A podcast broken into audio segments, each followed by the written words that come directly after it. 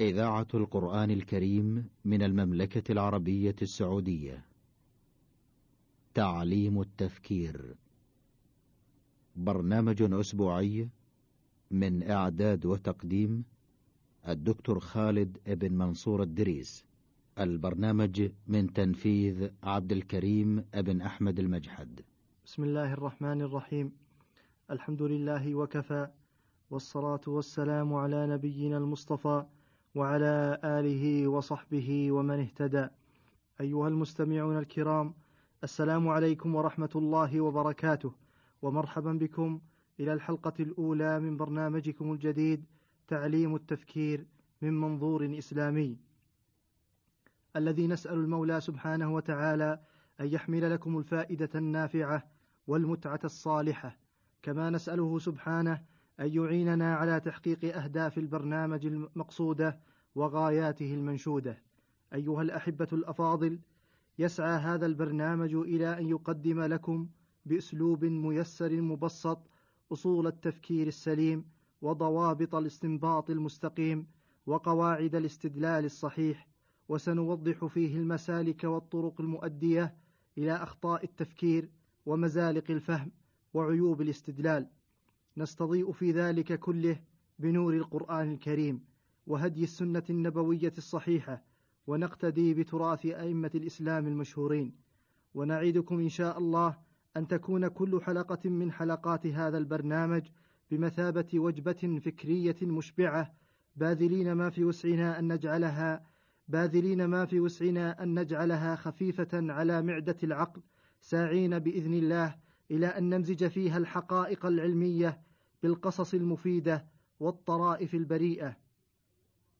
ونضيف المعلومة الصحيحة إلى التجارب الواقعية من حياة البشرية ومأثورات الحكم والأمثال الإنسانية مع الحرص على ضرب الأمثلة من واقع الحياة المعاش. ومن أهم المحاور التي سنتطرق إليها إن شاء الله في حلقات هذا البرنامج مكانة التفكير في القرآن الكريم وعناية المصطفى صلى الله عليه وسلم بالتفكير وسنحدثكم إن شاء الله عن إيجابيات التفكير التفاؤلي وسلبيات التفكير التشاؤمي اليائس. ثم سنتعرض للتفكير الخرافي ومحاربة الإسلام له وضرورة الربط بين تعليم التفكير والأخلاق الفاضلة وخطورة الفصل بينهما. كما سيأتي معنا بإذن الله حديث عن أهمية المناقشة في إثارة التفكير ودور الأسئلة في تحفيزه معتمدين في ذلك كله على نصوص الكتاب والسنة وأقوال العلماء الثقات.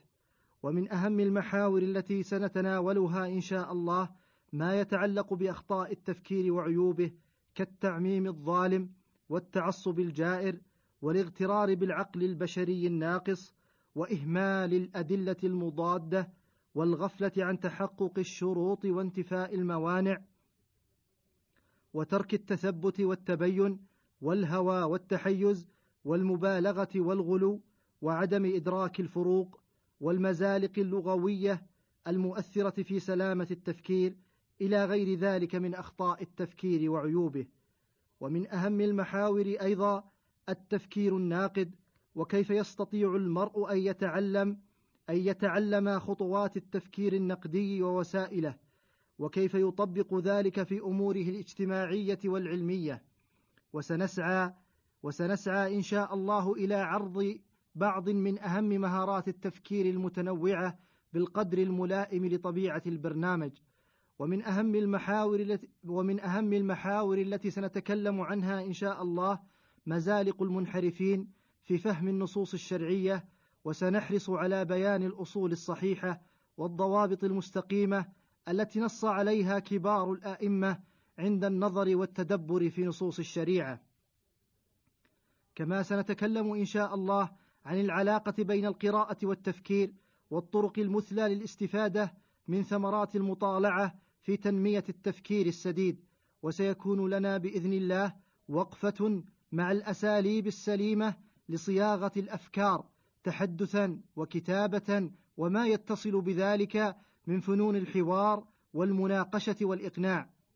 أيها الإخوة الأكارم إن برنامجكم هذا يخاطب الشباب والشابات والآباء والأمهات والأساتذة ونبدأ بالشباب فنقول إننا نخاطبهم لأنهم يمرون بمرحلة تتكون فيها أفكارهم وتصوراتهم وتترسخ فيها عاداتهم الفكرية والعقلية فهم في أمس الحاجة لأن يتعلموا قواعد التفكير السليمة وأصوله السديدة حتى يحكموا اندفاع الشباب وحماسه ويكبحوا طيشه وغلوه وتطرفه فكم من شاب كان صادق النية طاهر الطوية صحب صديقا له ألقى عليه بعض الشبه والأباطيل مقرونة بآي من القرآن العظيم وأحاديث النبي الكريم فصدق بطيش وخفة إفك المبطلين ولم يناقش ولم يتدبر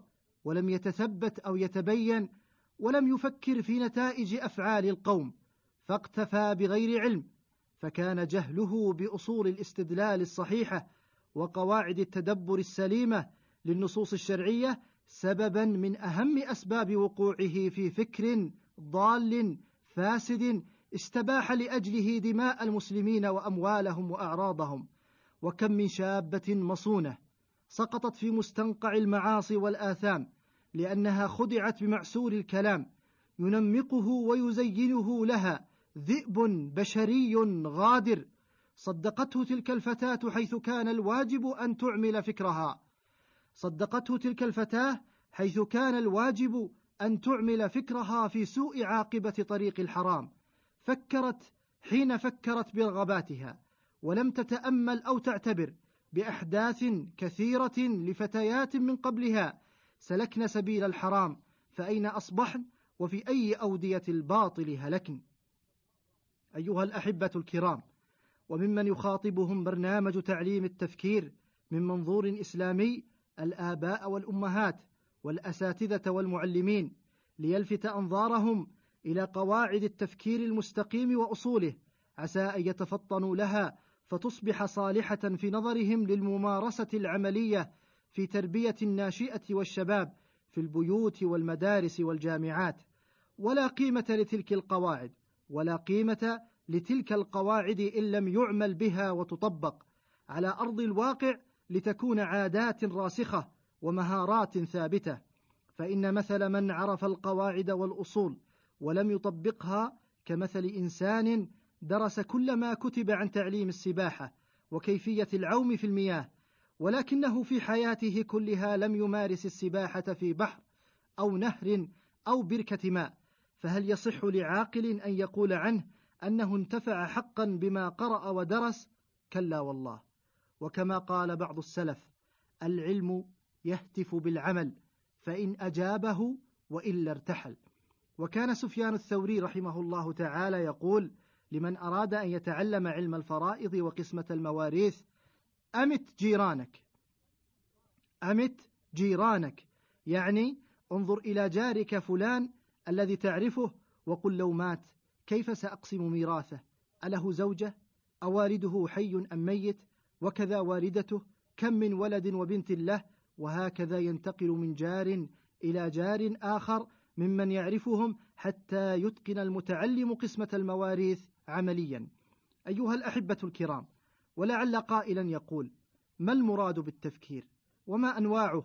ولماذا يخصص برنامج بأكمله لموضوع التفكير؟ وهل يستحق الأمر هذا العناء؟ وهل التفكير يمكن أن يعلم؟